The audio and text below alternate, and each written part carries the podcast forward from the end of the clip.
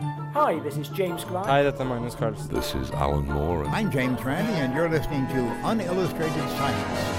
Stakk hodet sitt inn en partikkelakselerator. Velkommen til fremtiden. Universet. Spørsmålet er egentlig kan du få mennesker inn i? Forskningsnytt. Ta parallellkoble en del Jo, eneste som er ja, Uansett, vi går videre. Kjekksølv. Uillustrert vitenskap.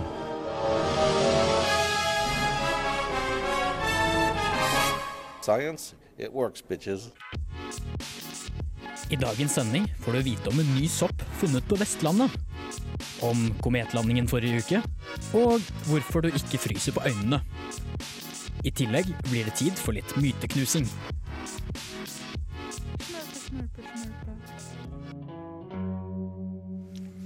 Hei og velkommen til Uillustrert vitenskaps eh, siste sending for semesteret.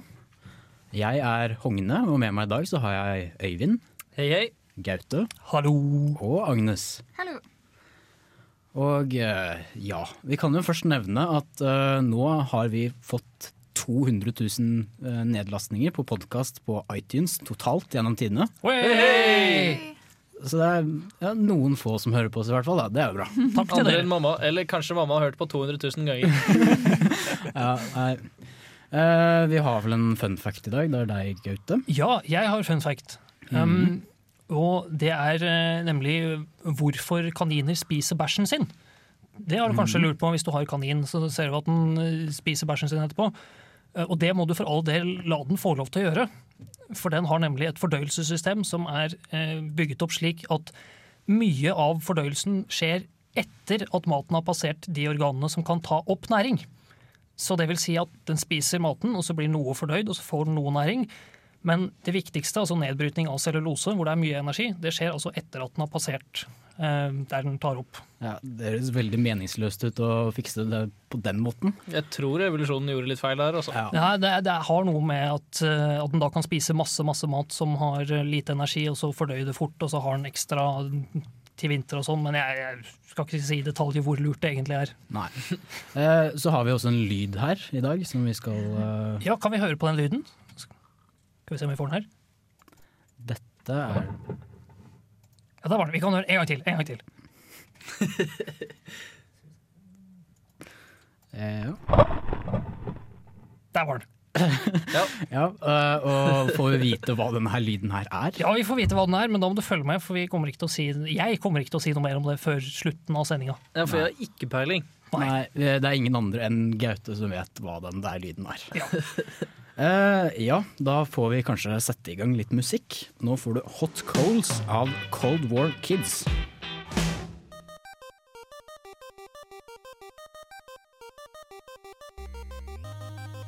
Er du en stor fan av kampsport?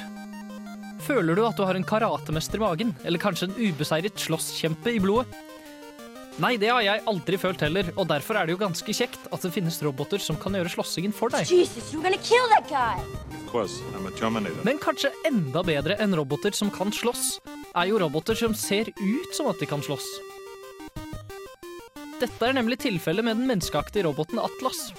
Roboten er opprinnelig ment for bruk i redningsarbeid på steder hvor det kan være både vanskelig og farlig for mennesker å komme til. Til tross for at Atlas veier rundt 150 kilo og er to meter høy, klarer den å traversere ujevnt terreng, som f.eks. ved å gå opp trapper eller vike unna objekter som steiner. Eller kanskje folk som ligger i fosterstilling på bakken fordi de har en dårlig dag. Men hva har dette med slåssing å gjøre, spør du vel?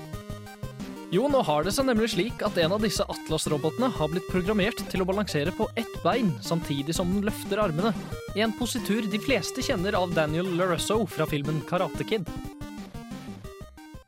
Så da kan du jo se for deg, neste gang du er ute på byen med din trofaste Atlas-robot, at du har gått på en smell og drukket deg opp til åtte promille, og din endeløse rekke av inntatt alkohol konvergerer mot besøk på både dialyse og pumpeavdelingen på St. Olavs.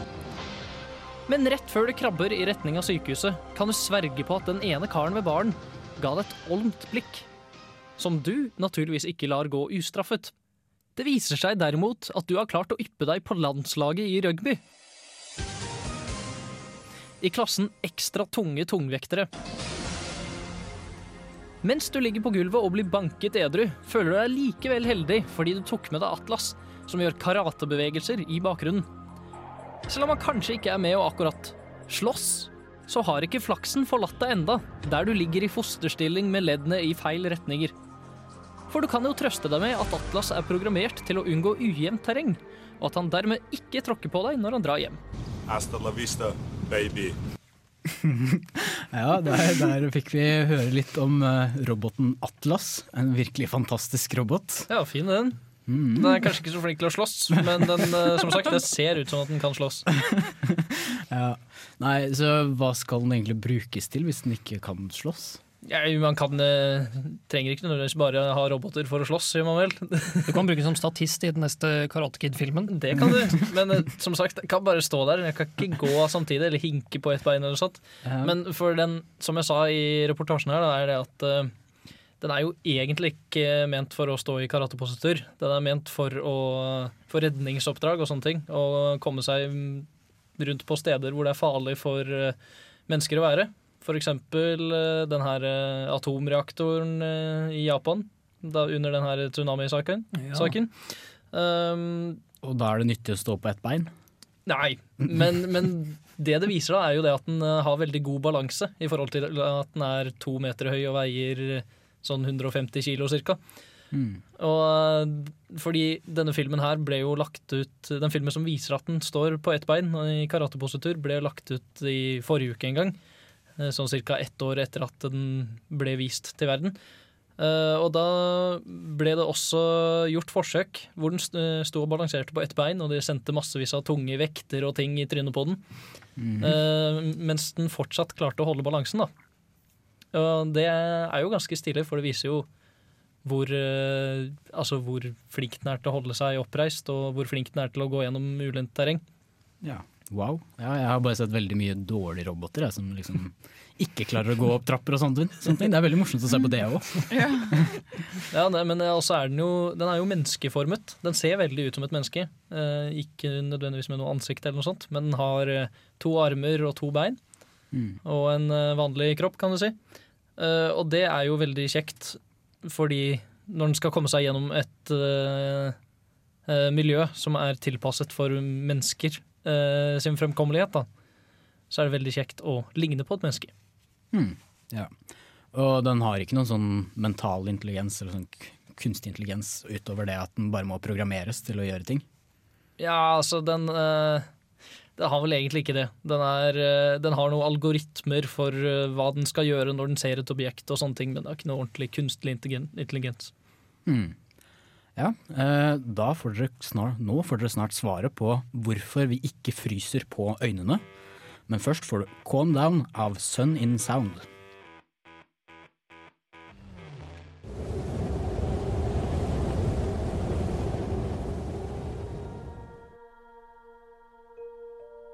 I ekstreme kuldegrader kan du få store frostskader i huden.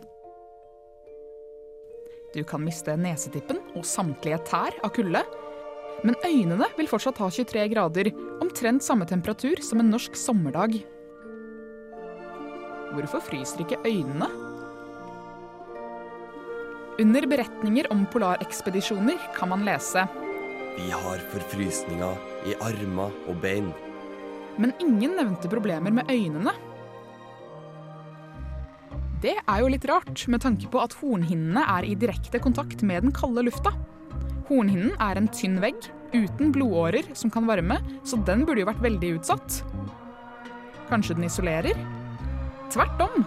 Hornhinnen leder faktisk varme veldig godt. Svaret ligger i en væske som ligger bak hornhinnen, nemlig forkammervæsken.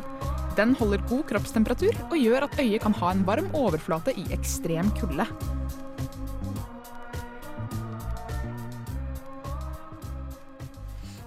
Ja, Så det er dette her som ligger bak øyet som gjør at eh, den ikke fryser?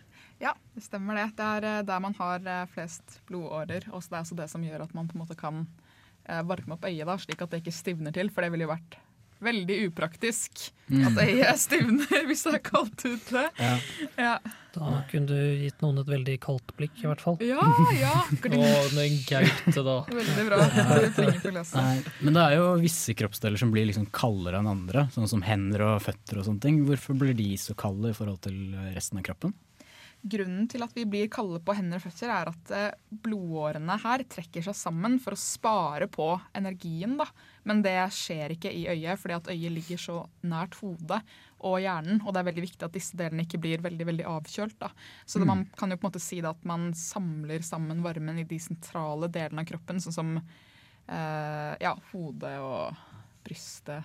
Ja, For det er kanskje ikke like farlig om du mister en finger enn om du faktisk mister hodet, eller? Nei, det er liksom, Man kan ofre et par tær, men det er litt kjipt å kanskje miste synet. Det er jo litt viktig å ha, ha godt syn, da. Kan ikke ofre like mange hoder. Ja, man kan si det, ja. Mm. Eh, Så nei, øyet kan ja, Man kan jo stille seg spørsmål om øyet kan fryse. fordi Hvis man legger et øye i fryseren, så blir eh, hornhinnen hvit. Så det kan jo, det kan jo fryse, da. Men eh, ikke hos levende mennesker. Så det er først når det er ehm, Når det blir kaldt på innsiden at det fryser. For da sirkulerer ikke den kammervæsken da, som gjør at eh, øyet holder seg varmt. Er det noe altså, Grunnen til at den væsken ikke fryser, er det fordi den sirkulerer, eller er det noen stoffer i den som, som funker litt som en sånn type frostvæske? Vet du det? Eh, det, er, det som er med den artikkelen som jeg leste er jo forholdsvis ny, så man vet ikke om det har en direkte sammenheng, men den, den væsken består av salt og sukker. men eh, man vet jo at eh, salt eh, bidrar til å smelte snø, da, men jeg vet ikke helt om egentlig det har så mye å si, egentlig. Men det er iallfall det den består av, da. Og den bidrar jo til at man øyet ikke fryser. Men jeg tror det i all hovedsak har å gjøre med at den sirkulerer og blir varmet opp av blodårer rundt i Ja. andre steder. Så det er fortsatt ikke tips å helle sukker og salt over deler som du ikke vil fryse på? Nei, det er i hvert fall de forskerne som publiserte det her, var veldig usikre på om det hadde noe med saken å gjøre, da, hva den består av.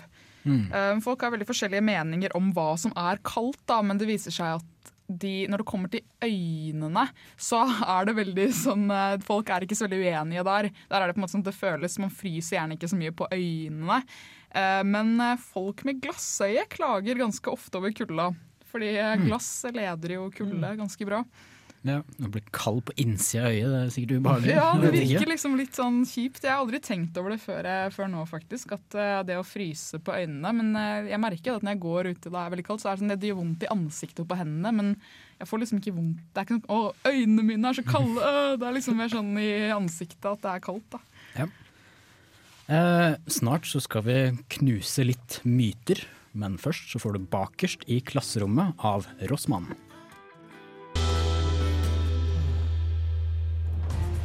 Det finnes mange myter der ute som overraskende mange av oss tror på. Folk tror på dem fordi de ofte har en logisk, men feil forklaring, og vi er ikke kritiske nok til å tenke oss om eller sjekke om det vi blir fortalt, faktisk er sant. Uillustrert vitenskap representerer her tre myter som de fleste av oss tror på, men som faktisk ikke har noen rot i virkeligheten. 1. Polarstjernen er den lyseste stjernen på himmelen. Feil. Det er selvfølgelig sola som er den lyseste stjernen fra jorda. Polarstjernen er den mest synlige stjernen som ligger nærmest himmelens nordpol. Men den er faktisk ikke mer enn den 50. mest lyssterke stjernen på himmelen. 2. Når du spyler ned i toalettet, roterer vannet motsatt vei på andre siden av ekvator. Feil. Corioliseffekten får ofte skylden for dette. Generelt sett sier Corioliseffekten at gjenstander vil rotere mot høyre på den nordlige halvkule og mot venstre på den sørlige halvkule pga. jordrotasjonen. Men denne effekten er langt fra sterk nok til å gi rotasjon i toalett eller badekar. Rotasjonen er heller bestemt av hvordan toalettet er installert. 3. Glass er flytende ved romtemperatur. Feil igjen. Glass er en amorf struktur som bare blir flytende om den er i en temperatur over glassforvandlingstemperaturen sin lenge nok. Glassforvandlingstemperaturen til glass er lavere enn romtemperaturen. Dermed blir glass mykere om den er lenge i romtemperatur. Men for at den skal bli flytende, må den være i romtemperatur i flere milliarder år. Ja, det, jeg vet ikke hvor mange av dere der ute som trodde på disse mytene, men uh, her i studio, er, hvem er det som trodde dere på en del av disse mytene før? Uh, ja. Nei, ingen. Ja, du vet vel at jeg, jeg, jeg trodde jo først at det, Du spurte meg jo på forhånd om, om jeg hadde hørt om det, og jeg ble jo kjempegira. Bare ja, ja, ja, har jo hørt om det? Jeg trodde at det var sånn at vannet sirkulerte. For det har jo, folk har jo snakket om det veldig mye, og folk har jo til og med bevist det og sånn. da. Mm, det, det er jo det jeg sier, at det er en logisk, men feil forklaring. Fordi, ja, jeg kan jo begynne med det. Eh, med dette her med jord, eller vann som roterer. Det er en effekt som heter Coriolis-effekten, som gjør at når jorda roterer, så ja, Den er litt avansert, men eh, det gjør på en måte at vinder og eh, sykloner og sånne ting roterer forskjellig på hvilken side du er av jorda. Du må ha en modell for å forstå litt hvorfor det skjer, da. Men det er pga. jordrotasjonen. Men eh, nede i toalettet ditt, det er altfor lite system til at det klarer å bli påvirket av eh, at jorda roterer. Jorda er så mye større enn det toalettet ditt er. Så det, det er sikkert noen som har visst om Coriolis-effekten, så har de vært i Australia eller et eller annet sånt, og, ja, og så vært et eller annet sted nord, som Norge, og så sett at her er det jo forskjellig. Og så lagd en forklaring at det må være Coriolis-effekten. Men eh, det er sikkert bare fordi at eh, det toalettet de brukte var installert på en annen måte, sånn slik at lavtrykket jo ble på et litt annet sted på det toalettet. da. Men vet du om uh, hvordan det er med malstrømmer og sånn? da? Sånn eh, kjempestore sirkulasjoner i vann? Ja, for der er det en effekt. Det er, er når det, du ja. ser på store eh, systemer, så er det en effekt. Altså sykloner, i hvert fall når det gjelder vind, og det er også vannstrømmer, store vannstrømmer, de vil rotere motsatt. Nå er det jo andre ting som påvirker også, da, som gjør at ikke alltid det skjer. Men sånn generelt så vil de rotere forskjellig om det er over eller under ekvator. Og jo lenger unna ekvator, jo sterkere vil effekten være. Hm. Så hadde vi også denne her med stjerna, at eh, polarstjernen er den sterk, eller lys, mest lyssterke stjerna på himmelen. Men det er jo sola. Ja, Det burde kanskje de fleste ha fått med seg hvis de kikka ut vinduet Ja. en hvilken som helst dag. Men eh, selv om vi ikke hadde telt med sola, så hadde den ikke vært ly mest lyssterk. Hva er det som er eh, på topp da? da? Da er det stjernen Sirius. Men eh, det er veldig mange som blander polarstjernen og, på en måte, og tenker at den er den mest lyssterke, men den er ja, Det er jo den mest lyssterke i Lillebjørnen, altså det stjernetegnet, men det, det den er kjent for, er jo på en måte at hvis du ser mot den, så ser du mot nord, for at den ligger mot ja, nord, himmelens nordpol Mm. og er ganske lyssterk, men eh, den er ikke den lys, mest lyssterke, nei. Den er sånn nede på en ca. 50.-plass. Såpass, ja. Ja. Eh, så var det denne her siste saken eh, om at glass eh, er flytende i romtemperatur. Ja. Og der sa du, sa du at, det, at det var et eh, amorft stoff, eller at det har amorft struktur, amorft tilstand. Ja, Hva betyr det egentlig? Det vil si at den faktisk ikke har et sånt bestemt smeltepunkt. Eh, det vil si at eh, finstrukturen på sånn molekylnivå ligner en del på eh, flytende stoffer. Men det er ikke et flytende stoff, og eh, glasset har da altså en sånn glassfase og en sånn myknet. Og den når denne her myknet fasen når den har vært i eh, glassforvandlings... Eller over glassforvandlingstemperaturen sin lenge nok. Og hva er det? Eh, glass, glassforvandlingstemperaturen, det er eh, den, den temperaturen du må over for at eh, det skal begynne å mykne. Da. Og glass mykner, og det gjør også andre ting. Selv om det heter glassforvandlingstemperaturen, så gjelder dette her også polymerer, og da altså plast. Og et veldig godt eksempel på ja, at glassforvandlingstemperaturen endres, er hvis du f.eks. har en tyggis og så putter den i lomma. For i lomma så er det litt varmere, og da er den over denne her glassforvandlingstemperaturen. Og da smelter den, eller den mykner. Så får du en sånn myk, ekkel tyggis i stedet for en hard tyggis som du hadde liksom i romtemperatur. Mm. Det er et eksempel. Eh, Så alle som har sett på sånne gamle vinduer i gamle bygninger, har kanskje lagt merke til at det er tjukkere nederst enn øverst. Mm. Og det har man kanskje fått forklart med at det er flytende, men det er jo feil. Ja, for der er det også en den derre Dette høres jo logisk ut, men det er feil. Ja. Fordi de, de er ekstra tykke på bunnen fordi det var nettopp sånn de eh, lagde eh, glass. For at det skulle henge godt fast i rammene, så hadde de det ekstra tykt på bunnen. Og eh, det var også ekstra tykt på sidene og på toppen også, men det gir jo ikke mening i forhold til denne her forklaringen. da, da må det jo bare være tykt på bunnen, at det, altså at det har smeltet nedover i mange år. Og nå smelter det jo, men, eh, eller det smelter ikke, men det, det mykner. Men for at den skal bli noe sånn se noen effekt, så må, det, må den være i romtemperatur i, i milliarder av år. Og da kan man ikke helt si at den er flytende. Det er faktisk en liten sånn debatt om man kan si at, hva, at det er flytende, men sånn, i praksis så vil ikke glass forandre seg med mindre temperaturen blir veldig mye høyere.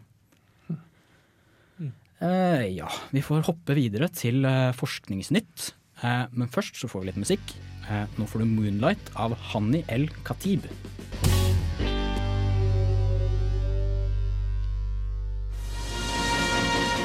Uillustrert vitenskap presenterer Forskningsnytt.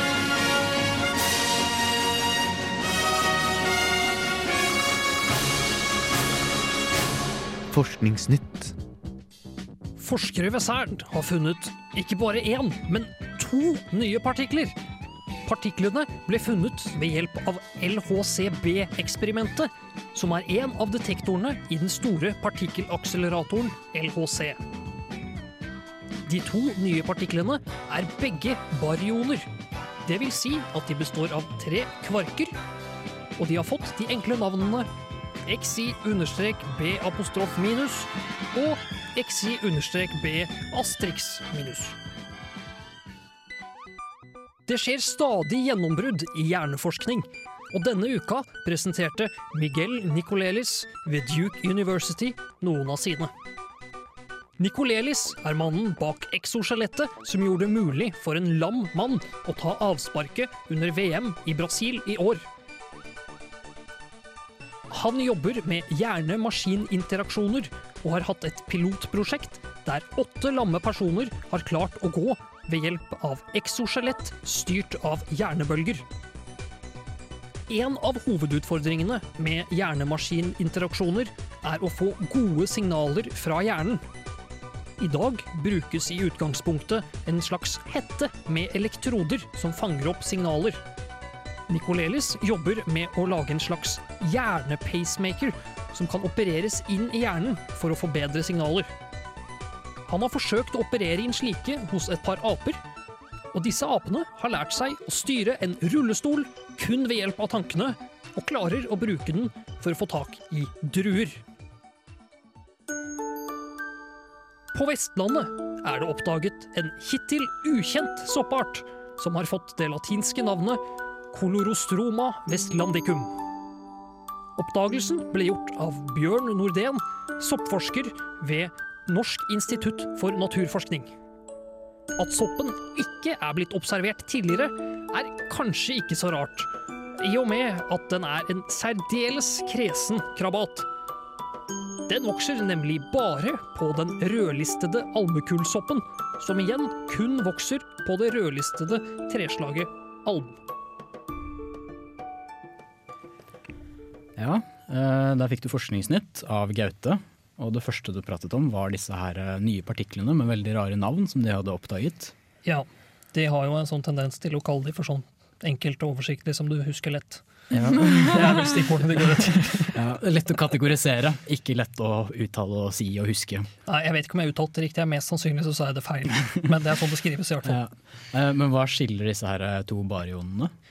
Eh, jo, altså, De var jo ganske overraska over at de i hele tatt fikk to, fordi at de var veldig like. Eh, og Hvis det ikke hadde vært for at den detektoren de brukte var såpass eh, fininnstilt og nøyaktig, da, så ville de kanskje bare oppdaget det som én. Um, men de har faktisk en del ting som skiller de. Uh, blant annet så består de av forskjellige typer kvarker. Um, eller nei, det gjør de vel strengt tatt ikke. De har samme type kvarker. De har uh, bunn, sær og nedkvark. Uh, men de har forskjellig spinn.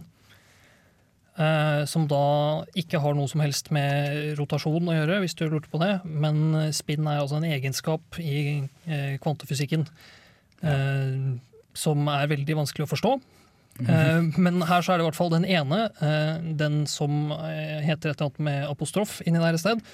Uh, der er det to kvarker som beveger seg i, eller som har motsatt spinn enn den siste. Mens i den Asterix eh, baryone, vi kaller den det, eh, så er, har alle sammen samme spinn. Mm. Ja, så de har, ja, de har litt forskjellige egenskaper. Men Ja. eh, ja. Eh, hvordan egentlig har du fått til dette her? Jeg trodde, jo den der, de, har slått, jeg trodde de hadde slått av en LHC nå, ja. Ja, det er helt riktig. Den er ikke oppe og går. Men de har jo hatt den eh, kjørende en god stund, så de har fortsatt mye data å bearbeide. Så um, dette her er altså funnet fra data som de eh, fikk i 2011-2012. Og som de nå da har klart å analysere seg fram til at yeah, det er noe her. Mm. ja. Eh, og så var det den her saken om det exoskjelettet. Ja. Hvordan ser det ut, egentlig? Ja, det er eh, altså Det ser jo da ut som et eh, Hvis du prøver å putte en mann inn i en robot, eh, nesten, så har du litt inntrykk av hvordan det ser ut. For det er et mekanisk skjelett som er bygget rundt den. Og som da består av eh, 15 elektriske motorer. Mm. Som da kan beveges ut fra ulike signaler. Da. Og de signalene de kommer ikke direkte fra hjernen, men fra en datamaskin. Mm. Som da oversetter hjernebølger til okay, Til så det er det som er hjernemaskininteraksjon, eller? Ja, altså Jeg vet ikke om hjernemaskininteraksjon er et riktig norsk ord. Eh, Det var bare noe jeg, jeg prøvde å oversette til det. For altså, det går på, på hvordan da signaler fra hjernen kan oversettes til maskinbevegelser. Ja. Jeg klarer ennå ikke å få det bildet ut av hodet med den derre alle de, Du sa aper som hadde fått eh, innebygd denne her sånn at de kunne styre rullestoler. Ja, det er helt riktig. Og det høres utrolig kult ut. På jakt etter druer. På jakt etter druer. Ja. Det må, jo, det må jo bare bli en sport en dag. Det sto at de var veldig glad i druer. Eh, Ja, Så da hadde de motivasjon, i hvert fall. Ja, da håper jeg alle har et mentalt bilde av aper i rullestol som kjører rundt etter druer. Ja. Eh, ja, Så var det dette her det siste med den nye soppen de hadde funnet. Ja, og det er mye kulere enn det kanskje høres ut som. Jeg syns i hvert fall det er kult, da. Jeg vet ikke hvor Ja, kult men du er jo en sånn der biolog, du, vet du. Ja, vi biologer vi, vi liker nye arter. Eh, For det er jo et stort prosjekt eh, som heter Artsprosjektet, eh, som det annet er Artsdatabanken som driver, eh, hvor de har funnet mange, mange mange nye arter. Og dette her er kanskje den ja, jeg vet ikke om det er den kuleste, men det er en veldig kul en i hvert fall. Mm. For dette er jo da en sopp som lever på en sopp som lever på et tre.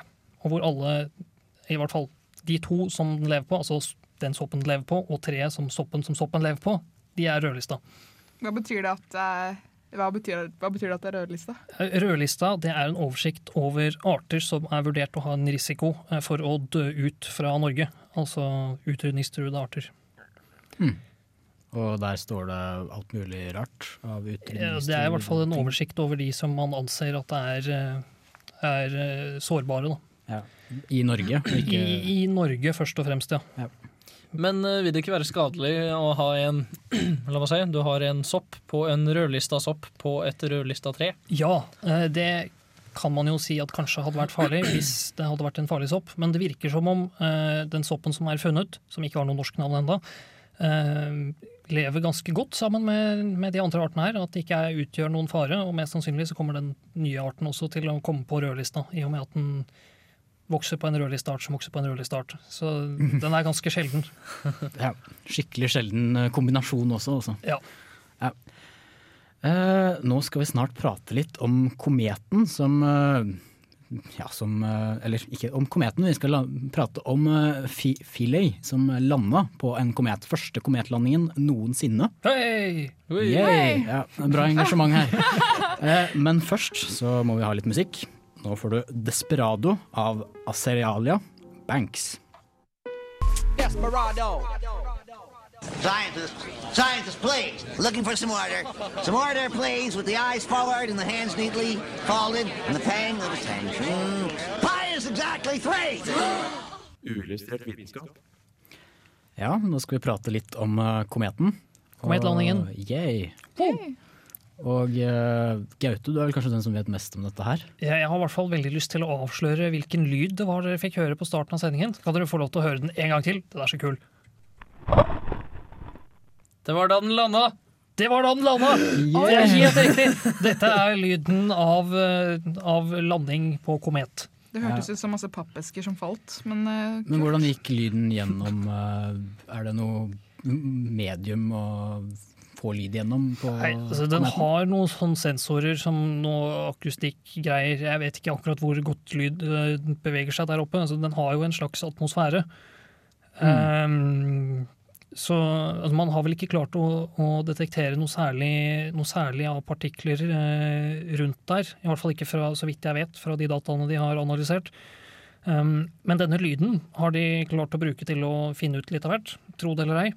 Uh, for meg så er det en, en lyd, men for de som kan lyd og analysere lyd, så kan den si noe om at det var mykt der hvor den landet, men et par centimeter under overflaten så var det faktisk litt hardere. Ja.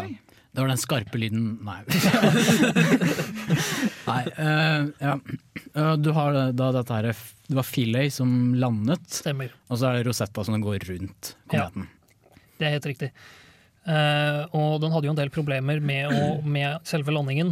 Blant annet så var det noen harpuner som ikke funka helt, så den fikk ikke satt seg fast. Og da spratt den litt lenger rundt enn det den egentlig skulle. Mm. Så den hadde vel eh, landet vel Eller ble stille først tredje gangen den traff bakken. Ja. Vet du noe om hvor nærme den var å på en måte mislykkes? Nei, du, det er jeg litt usikker på. Eh, Det var jo egentlig ganske mye her som, som gikk feil, men de har fått mer resultater enn det de håper på, eller mer data å analysere. Ja. Så det har jo vært vellykket, da, selv om det kanskje ikke kan virke sånn. Nei. Nei, jeg så den skulle holde på i noen uker. Det var litt sånn usikkert hvor lenge den skulle holde på. Ja, Og nå er den tom for strøm. Ok, Så den skal ikke holde på så mye lenger. Nei, Den får i hvert fall ikke sendt noe mer eh, før den kanskje kommer i nærheten av sola og får mer eh, lysenergi. Ja, for det er Ja, for problemet var vel det da den spratt opp igjen, så landa den på et helt annet sted enn det de egentlig hadde tenkt. Ja. Så den Mm. landa vel i en eh, skråning og får veldig lite sollys på solcellepanelene sine. Og det er jo derfor det Derfor eh, den ikke får noe mer strøm nå. Nei. Uh, ja, vi fortsetter oss videre. Uh, nå får vi Spy versus Spy av science fiction.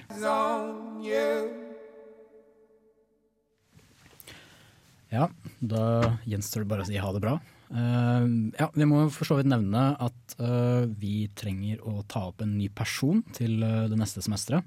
Så Mhm. om du er veldig interessert i vitenskap og har lyst til å bli kjent med oss, så ta og søk. Ja, ta og Hold et øye på samfunnet sine sider. Det er vel der det kommer ut, eh, Ja. så vidt jeg vet. Vi kommer til å poste mer om det på Facebook-siden når den tid nærmer seg. Ja, Vi er en ganske hyggelig gjeng også. Ja. Ja.